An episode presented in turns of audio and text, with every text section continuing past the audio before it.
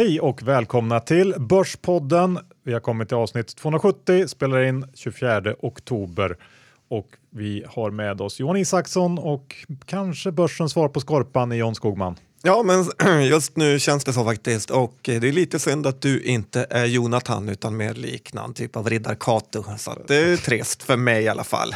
Hade gärna ja. behövt någon som tog hand om mig, inte straffa mig. Ja, men tur att vi har vår huvudsponsor då, IG Markets. Ja, men det har vi. Jag visar faktiskt en kille idag i tunnelbanan hur extremt bra IG-appen är, hur man kan se ungefär hur börsen kommer öppna, vilket är kul när du tittar hur terminshandeln är. Du kan se hur bitcoin går, du kan se hur oljan går, du kan se hur valutorna går. Så att, ladda ner den här appen för det finns alla möjligheter att korta typ alla valutor som finns och alla bolag som finns på tyska börsen, på börser man inte annars kommer åt. Så testa det, IG. Ja, absolut. Men kom också ihåg då att CFDR är riskfyllda instrument. Så läs på innan och var försiktig.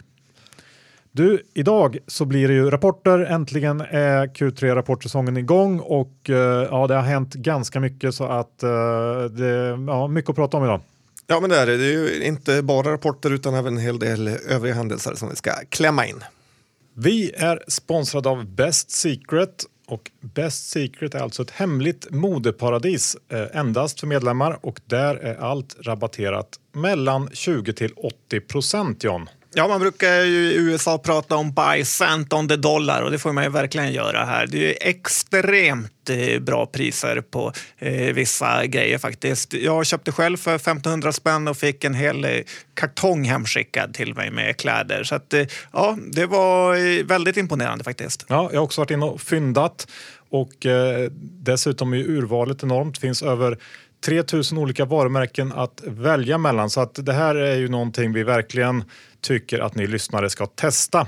Och för de som vill testa så kan man registrera sig via länken bestsecret.se börspodden utan prickar, Bordspodden alltså. Och då får man dessutom 200 kronor att shoppa för när man beställer för minst 600 kronor. Ja, då får kommer man faktiskt få en hel del eh, grejer. Så att, eh, det finns ju ingenting att förlora på att gå in och se om man hittar något eh, som man gillar där. För att jag hittade en hel del och det är inte helt vanligt. Nej, och ta chansen nu för att det krävs en sån här inbjudningslänk för att ens komma in helt enkelt. Så bestsecret.se snedstreck Borspodden. Eh, handla för minst 600 kronor så får ni 200 att shoppa för. Mm, gör det. Johan Dr. Bass Isaksson, index är i ungefär 1510 just nu. Den har varit under 1500 igår och eh, ja, det känns ju extremt eh, volatilt och eh, skakigt på börsen. Har vi en ny lågkonjak? Frågar du mig så tror jag att det är ganska stor risk eller möjlighet eller chans till det. Men, men börsen börjar ju uppenbarligen tveka ganska rejält kring konjunkturen nu och prisar in lägre vinster nästa år får man väl säga, i alla fall i, i vissa sektorer. Och USA är samtidigt svagt för första gången på väldigt länge. Vi får liksom inget stöd därifrån som man kanske är van att få.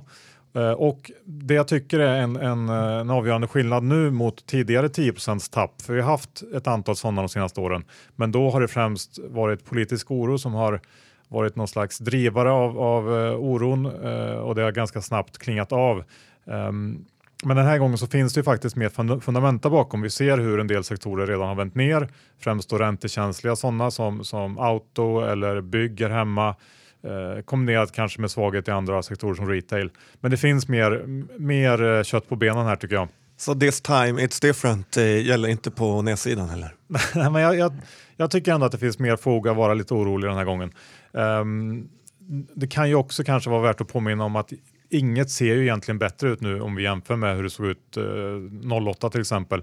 Och det enda vi gjort är ju att, att liksom dubblat ner på samma, samma sak, det vill säga skuldsättningen är högre än någonsin överallt och jag tror att väldigt mycket skit kommer att flytta upp till ytan den dagen ekonomin saktar ner eh, lite mer påtagligt. Eh, krävs inte särskilt mycket fantasi för att måla upp en bild här där den här svagheten vi sett i ett par sektorer sprider sig till flera delar av ekonomin. Men sen så är det också så att ingenting går rakt ner i ett, liksom ett enda svep så att eh, det kommer komma rekyler, rekyler såklart. Eh, det är mycket möjligt att vi står inför någon, någon lite större studs uppåt snart för det har gått väldigt snabbt neråt och eh, ja, har varit eh, ganska aggressivt på sina håll. Ja, så är det. Jag har ju två takes eh, på den här situationen och jag känner mig rätt säker på att båda är rätt, men de är totalt motsatta och det är lite av ett problem faktiskt. Den första, vill du höra den? Hemskt gärna. Mm, kul att du är intresserad av mig Johan. Eh, det är ju att eh, börsen har ju gått från det här normala med P20 till att eh, bolagen närmar sig P10 igen om det inte är något liksom, riktigt särskilt fint bolag. Det här brukar vara ett tecken på att det kommer gå dåligt framöver för att det är egentligen inte P10 utan det är betydligt högre. Man tror det är P10 på toppvinster som aldrig kommer komma och eh, det är ju en klassiker att det alltid är som sämst att köpa Boliden när analytikerna tror det är P8 eh, för nästa år eller innevarande år. Medan sen är det egentligen P30 och eh, det är ju när P-talen är höga i framförallt de här konjunkturkänsliga bolagen som man ska köpa eftersom det är då vinsten fullständigt havererat. Det är ena taken. Ja, och det är väl min take då kan man säga. Ja, det är jag inte förvånad över. Den andra är, som jag tror lika mycket på, är ju att man faktiskt ska gå in och våga köpa aktier nu. Att det här är en överreaktion på kanske framförallt den varma sommaren vi sett över hela världen eh, som sen aktiemarknaden tolkar som en analkande lågkonjunktur. Eh, gör den här eh, tanken Johan, även om den kanske är svår för dig. En tjänsteman eller knegare som skulle börjat jobba i augusti-september eh, på en onsdag för att få en soft eh, första vecka istället ringer in och säger att eh, jag kan inte, kan inte få börja på måndag istället. Eh, arbetsgivaren säger såklart att ja men det kan du för det händer ändå inget här. Eh, så att om du bara tar bort eh, två dagar i en månad då har du ett produktionsbortfall på eh, närmare 10 procent och eh, eh, det kan börsen tolka som låg konjak. Det behövs ju så otroligt lite eh, för att man ska tro att det har hänt något. Egentligen kommer vi få se en enorm återhämtning här i Q4. Ja, jag är mer tveksam till den förklaringen. Eh, visst, på sina håll och kanter så kanske det kan spela in, men jag tycker man kan vända på sommaren en gång till och säga att många har ju använt just sommaren som förklaringsvariabel till att det går sämre eh, och kanske då också lurar sig själva och säga att ja, men det är ju sommaren, det är ju egentligen bara den här varma sommaren som är, eh, egentligen tuffar allting på. Men eh, det kan lika gärna vara det som lite grann döljer en, en start på en lågkonjunktur, att det egentligen finns någonting mer som ligger där under, under ytan och eh, drar ner allting. Så att, eh, jag vet inte, jag tror man kan lura sig själv att den här sommaren var en engångsgrej. Mm, det är inte omöjligt heller. Det är det som är läskigt. Ja, men vi går över till någonting som jag tror eh, börjar märkas av. Eh, det känns som det i alla fall. Jag tänker på utflöden från fonder. Jag har liksom inga konkreta siffror på det, men tittar man på diverse bolag, framförallt kanske lite mindre bolag, small mid cap, så är det ju hårda nedställ i en del aktier och många rapporter som ser till en början ganska okej ut straffas ganska hårt och det där kan ju vara ett tecken på att förvaltare tar chansen och Eh, använder den likviditet som finns när den finns. Ja, verkligen. De har ju inget val. Går, eh, får de utflöden måste de sälja och då säljer man i det som är likvitt. Eh, tittar vi på Dini Gerge Small and Microcap är de ner hela 15 procent på tre månader. Det är rätt eh, saftigt. Carnegie småbolag är ner 12,5. Eh, Rombur småbolag Norden är ner 13 och eh, ja, det är ju, folk gillar ju att följa vinnarna och när de tappar det epitetet så är det möjligt att det blir uttag och det blir en negativ spiral. Så att eh, å andra sidan, om man är långsiktig så kan det vara bra att titta vilka bolag de här fonderna har och eh, sen snappa upp om man ser någon konstig rörelse. Absolut. Det är inte fel att göra. Jag tänkte lämna det här nu och gå över till en annan eh, nyhet som jag snappade upp. Eh, Jocke Bornold lämnar ju Nordnet, det såg du kanske? Ja, det snackas ju lite om att en kille mitt emot dig ska ta över den rollen. Men jag är inte billig har jag sagt, det kommer att kosta minst 30. Eh, ja, precis, det var det jag tänkte komma till. Att jag vet ju vem jag hade försökt värva om jag bestämde på Nordnet nu. Och det är ju dig John. Det hade ju varit en liksom, monsterrekrytering. Eh, och just eftersom att du är så fruktansvärt skör nu efter den här lilla börsnedgången så tror jag att det går att skambuda in dig ganska billigt. Ja, jag hörde att eh, Charlotte eh, Stjerngren var en annan av eh, toppkandidaterna. Vi får se vem som är billigast. Tuff match. Ja. Um, John, ett kort politiskt svep kanske vi ska ha också här i första delen. Ja, men det ska vi ha. Det är ju så att eh, Trump har tydligen de högsta approval ratings han någonsin haft just nu. Han är till och med populärare än vad Obama var under vissa perioder. Och det är lite som Simon eh, Blecker sa, att i idén tror man han ska avgå varje dag. Så att det gäller att se till att man får lite andra nyheter än just den svenska eh, hatmedian mot högerpolitiker i USA. Men jag tänkte, våra egna politiker, det har snart gått två månader utan att något har hänt.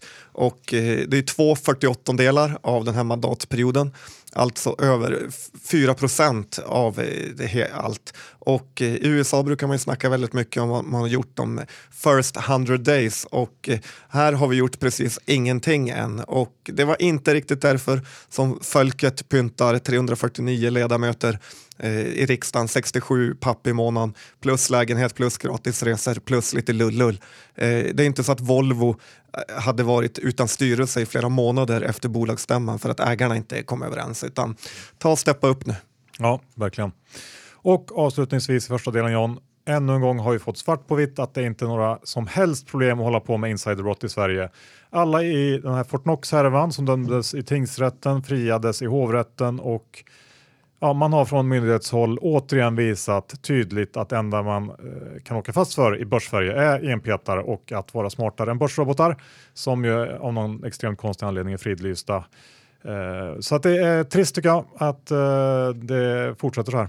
Ja, vi kan ju säga att enpetargänget kommer ju få betala fruktansvärt hårt nu i EBMs vrede när någon ska straffas. John, det börjar närma sig skidsäsong och eh, dags att boka vinterns skidresa. Eh, det är inte så mycket som slår Alperna tycker jag. Har du eh, bokat din resa? Nej, inte än, men jag ska försöka komma iväg en sväng och unna mig själv innan alla mina pengar är borta. Ja, du vet att jag har bokat som vanligt blir Cervinia i år igen och därför är det extra kul att vi har en ny eh, samarbetspartner i STS Alpresor, den största arrangören av skidresor till Alperna. Eh, de har just nu en riktigt bra deal på deras mest populära hotell, eh, hotell Salzburgerhof i Bad Gastein, kanske du känner till? Ja, det tror jag alla känner till faktiskt. Ja, så när man bokar före 31 oktober då ingår sju stycken fem middagar till ett värde av 3000. Eh, det är inte så dumt. Nej, det lät väldigt gott. Ja, och Eh, det slutar inte där utan alla Börspodden-lyssnare får 600 kronor i rabatt Eh, på STS Alpresors skidresor under hela säsongen och då anger man helt enkelt koden podd 600 vid bokning. Eh, det här gäller då hela säsongen så att gå in på STS Alpresor och eh, boka. Okej John, vi kör igång med rapporter. Eh, det kanske passar bäst att köra de stora tunga verkstadsbolagen först, riva av dem lite snabbt. Eh, ska jag göra det? Ja, men gör det. Jag ser att du ser glad ut eftersom alla varit kassa i princip. inte. Det är lite nyanser. Men, eh, och I och för sig så har de varit ganska bra, det är väl det som är grejen, men reaktionen har varit hård. Eh, vi börjar med Volvo som kom med en stark rapport som väntat, både resultat och orderingång. Bättre än väntat, men aktien ville inte gå upp. Den öppnade upp 4-5 procent. Hägerstrand på DIs eh, Börsmorgon var extremt upphetsad som vanligt, men det hjälpte inte. Det slutade med en 2 i nedgång och de här utsläppsproblemen kanske man kan peka lite grann på, men jag tror inte att det spelar så stor roll faktiskt för marknaden. Det känns inte som att det är en jättegrej faktiskt. Jag tror snarare så att börsen har svårt att se hur, Volvo ska kunna dels förbättra sig själva särskilt mycket mer än man redan har gjort, för det har, det har de gjort väldigt mycket och det har varit en fin resa får man säga. Eh, att, att, men framförallt så tror jag inte man köper den outlook som Volvo gav för 2019. Jag lyssnar på på det här konfkålet och väldigt mycket fokus låg på just den punkten. Eh, fordonsflottan efter ett antal goda år är nu eh, rätt ung och efterfrågan på lastbilar är ju något som man ändå får säga är väldigt cykliskt som följer den allmänna konjunkturutvecklingen bra. Så att eh, för att summera Volvo så, så tror jag att börsen börjar helt enkelt prisa in sämre tider. Nyckeltalen ser väldigt låga ut men som jag var inne på här tidigare i avsnittet så är det precis som det ska vara om vi står inför en eh, nedgång. Och om vi inte gör det, då är det ju å andra sidan köpläge. Det får man ju säga. Men jag tror att börsen har rätt.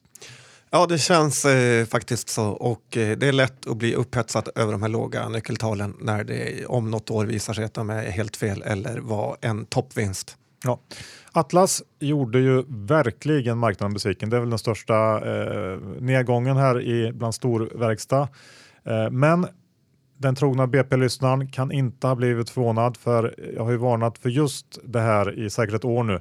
Vakuumdelen börjar bryta upp på allvar. Orderingången var ner nästan 20% mot föregående kvartal, vilket var värre än väntat och dessutom så guidar man ju ner även liksom outlooken för hela gruppen i stort.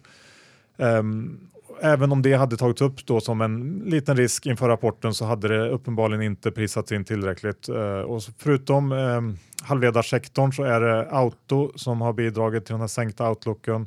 Eh, även här så har aktien kommit ner en bra bit, men den är fortfarande inte billig i mina ögon. Eh, speciellt eftersom jag också tror att analytikerna fortfarande är lite för positiva till Atlas, eller, eller mycket för positiva kanske, vi får se. Eh, men jag tror att den, det har varit en riktig darling länge och eh, jag tror att det är lite hm syndrom där nästan inom verkstad, att man ligger lite, för, eh, lite, lite efter med estimatjusteringar. Ja, och så vet man ju det här med att saker har prisats in som analytikerna tror. Det har det aldrig gjort. Kommer det negativa eh, nyheter så kommer aktien gå ner mycket. Det är inget som är inprisat. Nej, så är det ofta. Eh, Sandvik då kom med sin rapport igår och det lyckades väl ändå eh, komma in, de lyckades komma in bättre än befarat får man säga. Och speciellt då i ljuset av Atlas haveri. Det mesta var in line, order, sales, eh, ebit och så vidare. Eh, och eftersom Sandvik inte har någon outlook på det sätt som många andra verkstadsbolag har så låg mycket fokus på det efterföljande konfkålet. Eh, Björn Rosengren hävdar här att han inte hade sett någon större förändring i efterfrågan nu i oktober. Eh, enda svagheten han kunde se fanns i Automotive i Kina, men i övrigt så var det business as usual, eh, vilket då, då är väldigt bra tryck eftersom det gått så bra på slutet. Och, eh, det lugnar väl ändå marknaden lite grann. Eh, ytterligare ett bevis för det här var väl att, att SMS var starkt och SMS är en ganska bra proxy för industriproduktion generellt och kan väl ge också en ganska okej okay read-through till SKF som i så fall kanske inte behöver vara så illa som befarat heller. Eh, så det här är väl eh, den verkstadsrapport som ändå pekar på att, eh, att konjunkturen inte riktigt är så svag som, som börsen kanske tror och tycker just nu. Nej, och en grej man kanske ska lägga till från de här verkstadsbolagen jämfört med förra kraschen vi hade 2008 är ju att de är lite bättre förmodligen på med fasta eh, och rörliga kostnader. Att de kan parera nedgångar lite bättre än de kanske kunde tidigare. Ja, det tror jag absolut. Ehm, men man får också komma ihåg att eh, de här vdarna och vad de tror om eh, utsikterna är ju inte någon kanonindikator. I alla fall om vi ska ta förra nedgången som någon slags benchmark på det. Så att de, man ska komma ihåg att de ser inte så superlångt fram eh, vad som händer dem heller utan det är... Dit näsan räcker? Ja men ungefär, eh, om man ska hårdra det. Bra, då har vi gått igenom lite av de stora verkstadsbolagen. Vi går över till eh, Fagerhult som eh, har varit en börssuccé i många år, men den har, eh, de har haft det tufft på slutet. Ja, men det kan man väl verkligen säga och eh, det här var en rapport som inte gladde marknaden. Fagerhult eh, har ju i min bok länge, länge varit övervärderad och jag har ju varit eh, lite orolig för att det här bolaget har några likheter med Itab eh, faktiskt. De har hög skuldsättning, eh, högt värderade, de har ridit på en hype med den här LED-belysningen eh, som skulle kunna mattas av ordentligt. Eh, de är också beroende av retail för att sälja sina lampor. Eh, de har också förvärvat i en hög eh, takt och sen kan de ju gå in i den här delen av konjunkturen helt fel Eh, med den här skuldsättningen. Då. Så att eh, nedsidan finns kvar och även om man inte håller med på det jag tror eller det jag säger här så finns det ändå inte riktigt någon uppsida vad jag kan se. Eh, kan nästan tycka att det är lite rätt åt de här bolagen eh, som bara har köpt och ökat sin försäljning. Nu får de betala dyrt för det. Eh, det är P16 ungefär skulle jag säga och eh, med alla faror ovan nämnt eh, så skulle jag säga lilla snigel, akta dig Johan. Mm, jag håller med. Det passar bra att gå över till Itab kanske. Ja, men vi kan väl säga det, eh, någonting om dem, det här katastrofbolaget som jag såg igår tog sitt femårslägsta och eh, eh, jag var och handlade på Coop här i veckan och då så började jag tänka på det här med självskannerna, hur dåliga de faktiskt är. Eh, tänkte att Itab borde inte ha programmerat den här röntgenmaskinen som de har gjort utan istället satsat på någon typ av app där man skulle kunna skanna sina varor i smartphonen istället för att eh, ja, istället för att slippa den här självskannern. Den här appen skulle till, förmodligen kunna räkna ut vad grönsakerna väger eh, och det skulle inte vara så svårt med lite, lite felmarginal. Så att jag ger bort den här idén till Itab som jag har gett bort er tvättmaskin och er kostym. Snyggt. Du kan se det här lite som grundforskning av mig ja, ja, det var en bra liknelse. Vi kanske klämmer in en liten kort kommentar om Nilan också. Vi snackade om den rapporten förra veckan eh, och vad har hänt nu?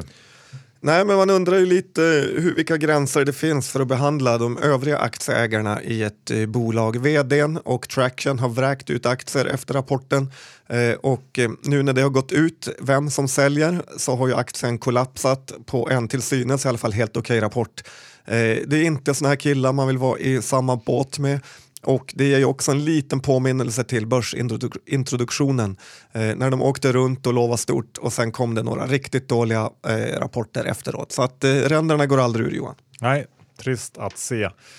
Eh, Saab tänkte jag bara ta en liten snabbis om. Jag är ingen eh, expert på Saab, men jag, jag förstår inte riktigt det här bolaget. De missar alltid förväntningarna eh, i samband med rapport. Och eh, nu igår så gick de ju också, eh, passade på att gå ut med en, en, ganska stor nyemission och gör sig av med 850 anställda. Och det här sker då samtidigt som känslan är att det aldrig har gått bättre för bolaget Saab. Eh, massor av nya ordrar och så vidare och så vidare. Eh, vad man ska ha de här emissionspengarna till verkar också lite halvoklart. Visst, man har massa stora eh, order som kostar pengar nu och det tar ett tag innan kassaflödet trillar in. Men eh, uppenbarligen så har man ju inte alls lyckats eh, kommunicera det här till marknaden eh, för aktien brakade ihop fullständigt igår. Eh, jag vet inte riktigt vad jag ska tycka om Saab men, men eh, ja, jag gillar det inte. Nej, och eh, med en sån här stor nyemission som är på väg så finns det inte heller någon uppsida i aktien riktigt. Nej, så det är lite, lite blöt filt där ett tag framöver. Ett bolag som har presterat väldigt bra på slutet är ju Beijer Ref Ja, det här Aircon-bolaget som gynnats ordentligt av sommaren och levererade en kanonrapport. Men fick se sig slaget av att marknaden synade toppvinster på toppmultiplar. Eh, att vara en grossist och sälja andras eh, produkter till P25 eh, när man haft de senaste hundra årens bästa sommar. Ja, det är jobbigt för de som handlar rapporter med enda synen och tror att man ska köpa bara för att rapporten var bra så ska aktien gå upp. Eh, börsen är lite mer komplicerad än så. Och eh, ja, vi kan nog dröja ett tag innan vi får se Beijer Ref uppe på de här toppnivåerna igen. Ja, det kan jag väl hålla med om. Och att, att börsen är mer komplicerad än så, det kan väl Ericssons utveckling sista året vara ett eh, hyfsat exempel på. Um, ganska svår aktie kan jag tycka. Um, de lyckades i alla fall ännu en gång komma in bättre än, än analytikernas förväntningar. Marknaden handlade upp den här aktien runt 6% på rapporten, vilket ändå får anses vara en, en bedrift i den här marknaden. Och vad var det som var positivt då? Jo, organisk tillväxt för första gången sedan 2014. 1 procent som man eh, skulle kunna hävda i och för sig kom från försäljning som egentligen skulle legat till Q4 men ändå. Eh, sen lyckades de även få med sig bruttomarginalen och, och det här resulterade till slut i ett ebit som var långt över förväntan och gott så. Men man flaggar ju eh, även för att eh, som jag var inne lite på där, att den normala säsongsvariationen med ett mycket starkare fjärde kvartal kommer att vara svagare i år. Jag tror att det i snitt har varit runt 17% bättre sekventiellt, men så kommer det inte bli i år. Och det här kan jag kanske tycka att marknaden blundar lite väl mycket för. Dessutom så dök, dök ju även den här SEC-härvan upp eh, som kan kosta betydande belopp för Ericsson. Eh, hur som helst så tror jag att vi närmar oss en rapport som eh, inte lyckas överraska på samma sätt som de senaste har gjort i Ericsson. Eh, kanske för tidigt nu Q4 men framåt Q1 så eh, ja, då tror jag att det kan eh, bli tuffare. Eh, Ericsson har kapitalmarknadsdag i New York den 8 november och väntas då ge mer kött på benen kring det här marginalmålet. Eh, kanske till och med sockra eh, på det lite extra. Jag vet inte, jag tyckte det kändes som att Gardell hintade det när han var ute och snackade i samband med rapporten. Eh, det är väl värt att hålla koll på för tittar man på analytikernas estimat för 2020 som redan nu penslar in, penslar in måluppfyllnad så börjar Ericssons aktie se väldigt dyr ut, speciellt i ljuset av att allt annat har rasat på slutet. Så att, eh, det blir nog en ganska viktig kapitalmarknadsdag där tror jag. Mm, det närmar sig en liten exit av Kricke Gardell här känns det som. Han vet ju när man lämnar på toppen. Det vet han verkligen. VBG då, eh, vad, har, vad har gått eh, bra och dåligt där? Ja, men det här gick ju ganska bra för VBG, vilket inte är så konstigt med tanke på det drag den dag i den här lastbilssektorn. Eh, man, de kanske inte blev så lurade som man trodde först av Ratos med sitt eh, förvärv där. Den delen gick ganska bra. Eh, för aktien spelar här inte så stor roll då börsen inte gillar fordon nu och VBG känns död närmsta halvåret. Dock har de ett väldigt starkt Q1 eh, i det här bolaget så det är kanske då man ska börja titta på VBG igen. Men än så länge känns det inte värt att göra något större här. Nej, man jobbar i lite för mycket motvind just nu känns som. Sen har vi ju eh, Gunnebo som faktiskt eh, också kom in med en, en rätt okej okay rapport för att vara Gunnebo, men eh, lite fel dag kanske att släppa en sån rapport på. Eh, ja, det här är ett av börsens absolut eh, sämsta bolag och det känns ändå som att de gör det igen, även fast du var lite positiv. Eh, de har gett bort i princip sin verksamhet i Frankrike. Eh, trots det belastar den här resultatet, eh, den, det belastar resultatet väldigt mycket och gör att hela vinsten försvinner. Sen mörkar de orderingången känns det som och då blir man ju lite orolig. när hela den här divestningen som hedgefondkillarna säger, lite coolt, när den är klar så kanske med den här franska verksamheten då, så kanske Gunnebo kan vara intressant att titta på igen. Eh, men jag tycker inte den här företagsledningen ska vara särskilt stolta över sig själva. Nej, det finns nog, eller det finns uppenbarligen mer att göra där. Eh, sen kom Avanza med en fin rapport. Det eh, låg i korten kan man väl säga. Det har snackats eh, om bra siffror inför och så blev det. Resultatet kom in knappt 10% bättre än väntat. Men zoomar man ut lite så bör väl inte den här rapporten ändra Eh, någons, någon analytikers estimat nämnvärt egentligen och det är ju bara att instämma med de flesta andra som har ja, men svårt att motivera värderingen. Avanza är hiskeligt dyr, multiplarna ligger långt över alla peers och det här är väl svårt att förklara med annat än budrykten, eh, blankare kanske som har blivit squeezade och en, en storägare som inte säljer någonting. Jag vet inte. Ja, vi såg även hur provisionsnettot eh, för fonder gick upp massivt och eh, som jag sa, det går inte att handla med ETFer, då tvingas du in i fonder eller i eh, Avanza Market. Så att, eh, jag tror att de är lite i en sweet eh, spot nu, men såklart övervärderat. Eh, vi vänder blickarna till det här lilla klustret HMS Bele om man får klumpa ihop dem. Vi gör det i alla fall idag. Ja, det kan vi göra. Eh, HMS är ett superbolag som gör ytterligare en fin eh, rapport. Maskiner som kommunicerar med varandra verkar fortfarande vara hett. Det här var ju bra rapport. Eh, man växer över 10 procent även om du tar bort valutahjälpen. Tyvärr så är ju HMS alldeles för dyrt för att det ska kännas riktigt köpvärt. Men när det är ett P-tal långt över 30 så är i alla fall inte jag intresserad. Nej, jag håller nog med där. Sen har vi Bele, Beijer Electronics, HMS, eh, fula lilla syrra, får man säga så taskigt? Ja. Ja, bra. Eh, de kämpar ju också på och eh, verkar faktiskt vara inne i en lyckad typ av turnaround nu. Dock undrar jag inte om det här kombinerat med sent i konjunkturen blandat med att Bele aldrig riktigt har blivit billigt gör att man ändå ska hålla sig borta från det. Västermo som vi har pratat mycket om som är en del i Bele är ju väldigt fint och tuffa på jättebra, är förmodligen värt lika mycket som bolaget. Men eh, det är lite pengar inne det på sista raden så att jag håller mig borta, vilket inte är så konstigt eftersom jag gav upp det på ungefär halva värderingen. Ja. Eh, så är det. Eh, ska vi avsluta med ett par bettingrapporter. Det har trillat in några stycken idag. Evolution och Betsson har presenterat sina Q3-år. Betsson, eh, om vi börjar där, var riktigt stark. Omsättningen in 5% bättre och resultatet 15-16% över förväntan. Eh, För det kanske drivet att man spenderar lite mindre på marknadsföring, men ändå. Aktien på marginellt plus just nu. Det är en ganska tuff marknad får man konstatera helt enkelt.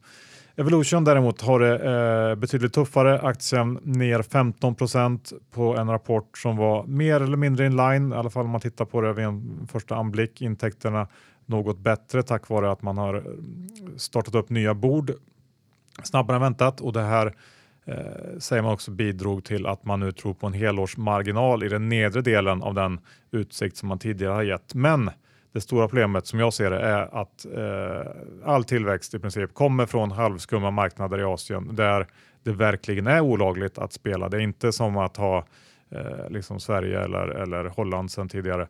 Um, Playtech till exempel, brittiska bolaget, åkte på en rejäl smäll tidigare år i Asien Eh, just eh, relaterat till sån här problematik när man stängde ner en hel marknad. Och det är uppenbart att eh, börsen inte alls gillar det här Eh, och att det är också så att de här intäkterna från de här marknaderna ska värderas betydligt mycket lägre än reglerade sådana. Eh, så att startar man med en väldigt hög utgångsvärdering så blir smällen hård när sånt här dyker upp och de har ju lite halvmörkat det här. Det var väl först i förra rapporten som det dök upp att de hade så här mycket på de här marknaderna och nu ökar det ännu mer. Så det här gillar inte börsen och jag instämmer. All right Johan, det var kul att eh, höra dina åsikter om det. Men det här var inte allt med Börspodden för idag, eller hur? Nej, vi har även eh, fått hit en gäst. Det är eh, Vincent Kolb från vår sponsor Lendify och vi tänkte höra lite på hur de ser eh, på en eventuell lågkonjunktur och skakare börs och hur det kan påverka. Så att, eh, här kommer Vincent. Med oss har vi Vincent Kolb, kreditchef på Lendify. Välkommen hit. Hej. Du är eh, här för att prata lite om den kanske kommande lågkonjunkturen och eh, vad, hur man kan använda Lendify som komplement i portföljen. Eh, men först berätta lite om dig själv, vart du kommer ifrån och så vidare. Ja, jag heter Vincent Kolb. Jag är kreditchef hos eh, Lendify. Jag har börjat eh, i 2015, ansvarig för hela kreditteamet och processer. Kommer tidigare från, från Magna Bank och jobbat också ganska länge hos Citibank här i Sverige och i Belgien. Uh, innan dess har jag jobbat uh, in, inom high-tech i, i Tyskland. Uh, har byggt framförallt några integrated circuits för MP3-spelare. Spännande. Men du kommer från Frankrike, eller hur? Från grunden? Jag kommer från Frankrike, var född i Alsace, som är bredvid Schweiz och Tyskland. Är du bra på vita viner? Eh, ja, alltså, på dricka? Ja, exakt. Men eh, min fru var född i Bordeaux faktiskt, så uh, hon, hon kan rötta uh, rödvin också. Så det är en bra blandning kan jag säga. Ni kompletterar varandra. Exakt. Men, men nu som sagt, det börjar svaja lite på börsen. Hur, hur ska man se på det här tillgångslaget nu, tycker du? Alltså, vi säger hela tiden att vår produkt är en bra diversifiering produkt eftersom den är inte kopplad till börsen alls. Mm. Hur, hur, till exempel, du var med under finanskrisen, eh, då satt du på Citibank. Eh, uh, hur, hur, vad hände då? Hur, hur, tror du, vad tror du kommer hända framöver? Alltså under finanskrisen har vi sett de motsvarande portfölj eh, här i Sverige som eh, redovisade ungefär 1% kreditförluster då eh, åkte upp eh, till cirka 2% efter finanskrisen. Och därför uh, säger vi att den produkten eh, är, är en bra alternativ till, till börsen. Det är inte kopplat till uh, börsskakning. Nej, eh, det är ju väldigt eh, bra faktiskt. Jag tänker på det här med eh, att man vill ju alltid få tillbaka det man sätter in. Hur ser er kreditgivningsprocess ut? Vi har byggt en jättestark process eh, som är baserad på BankID för att verifiera kunden, på upplysningscentralen för att få eh, uppgifterna. Eh, vi har också tillgång till kreditregistret och vi gör en kvartleva-på-kalkyl som är baserad på Finansinspektionen och Konsumentverkets schablonkostnader. Därtill har vi också byggt eh, ny teknik som innebär att vi kan eh, be kunderna att dela med sig sina bankkontotransaktioner eh, elektroniskt via BankID-identifiering som adderar ytterligare information i vår process och innebär att vi kan fånga kunderna som är till exempel spelberoende eller som har eh, betalningar till inkassobolag eh, eller som får så kallade sms-lån eller payday-loans. Så det här som har varit i media nu, den här killen bland annat som hade spelat bort väldigt mycket pengar på spelbolag, han hade inte fått, uh, fått lån via Lendify? Absolut inte. Vi fångar de kunderna uh, och vi avslag till dem. Men, men hur ser det ut uh, om du jämför med de traditionella bankerna? Tittar ni mer noggrant på, på det här eller hur funkar det? Vi tittar mycket noggrannare eh, på våra kunder eftersom vi har mycket mer information än banker. Eh, banker baserar eh, deras beslut på upplysningscentralen och uppgifterna från sökande. Vi adderar en extra antal punkter baserat på bankkontotransaktioner. Hur ska man tänka nu när räntorna har eh, börjat gå upp? Är det något som kommer drabba en som Lendify-kund? Eh, alltså, räntorna är inte fast, som innebär att det, det kan gå upp. Eh, dock eh, tror jag inte att kunderna... Eh, vi, vi, vi gör en, en i kvartal på-kalkyl. Vi adderar en schablonkostnad för att ta syn på förhöjda räntor i framtiden. Och därför säkerställer vi att sökande kan också återbetala lånet även om räntor går upp i framtiden. Men som investerare då innebär det att du kommer också få ta del av den här ränteuppgången? Det stämmer. Du har jobbat tre år nu på Lendify. Kan du berätta lite om utvecklingen, hur det har varit och hur du även tror det kommer bli i framtiden och varför man ska välja Lendify? När jag började hos Lendify var vi nio i teamet och i dagsläget är vi 32 personer och vi har byggt en kreditmodell som är jättestark och som har möjliggjort att vi har lånat ut mer än 1,4 miljarder hittills. Och vi ser att den modell som är stabil kommer att eh, skydda våra kreditgivare även inom lågkonjunktur. Ja, tack Vincent för att du kom hit. Tack så mycket. Slut på avsnitt 270. Vi tackar AG Markets som är vår huvudsponsor. Jajamän, kom ihåg, det finns alla möjligheter i världen att blanka vilka aktier du vill där i princip. Så ladda ner appen, se hur börsen öppnar och eh, om den passar dig. Ja, och glöm inte att läsa på om riskerna med CFDR. Vi är också sponsrade av Best Secret. Eh, gå in på bestsecret.se börspodden för att få en biljett in i detta fantastiska modeparadis. Eh, går inte att komma in här om man inte blir inbjuden. Och Nej, jag sitter faktiskt med en sån dieseltröja på mig just nu. Riktigt läcker. Och där är det så också att man får 200 kronor att shoppa för eh, om man eh, beställer för minst 600 kronor. Eh, så gå in bestsecret.se börspodden och det är då Börspodden utan prickar ovanför ot. Och John, det är ju med extra glädje idag vi har med oss eh, STS Alpresor. Jag älskar att åka till Alperna. Det är det bästa som finns. Eh, och då eh, passar det väldigt bra med en alpresesponsor och inte vem som helst den bästa också. Eh, så eh, om man går in på STS Alpresor och bokar före 31 oktober så ingår sju stycken eh, femrätters middagar i värde 3000 kronor. Eh, dessutom får alla Börspodden-lyssnare 600 kronor rabatt på STS Alpresors skidresor under hela säsongen. Eh, då anger man podd bindestreck 600 vid bokningen och eh, ja, tack STS Alpresor. Gå in och boka. Jag gör det. Det kan verkligen behövas lite avkoppling i dagens börskraschklimat. Ja, jag har redan gjort det. John, hur är det med innehavsredovisning idag? Nej, idag har jag ingenting av det vi pratat om. Bra, det har eh, inte jag heller, så det var enkelt. Ja, verkligen. Ja, tack för att ni lyssnade. Ta det lugnt där ute i börsoron så hörs vi om en vecka igen. Det gör vi. Hej då!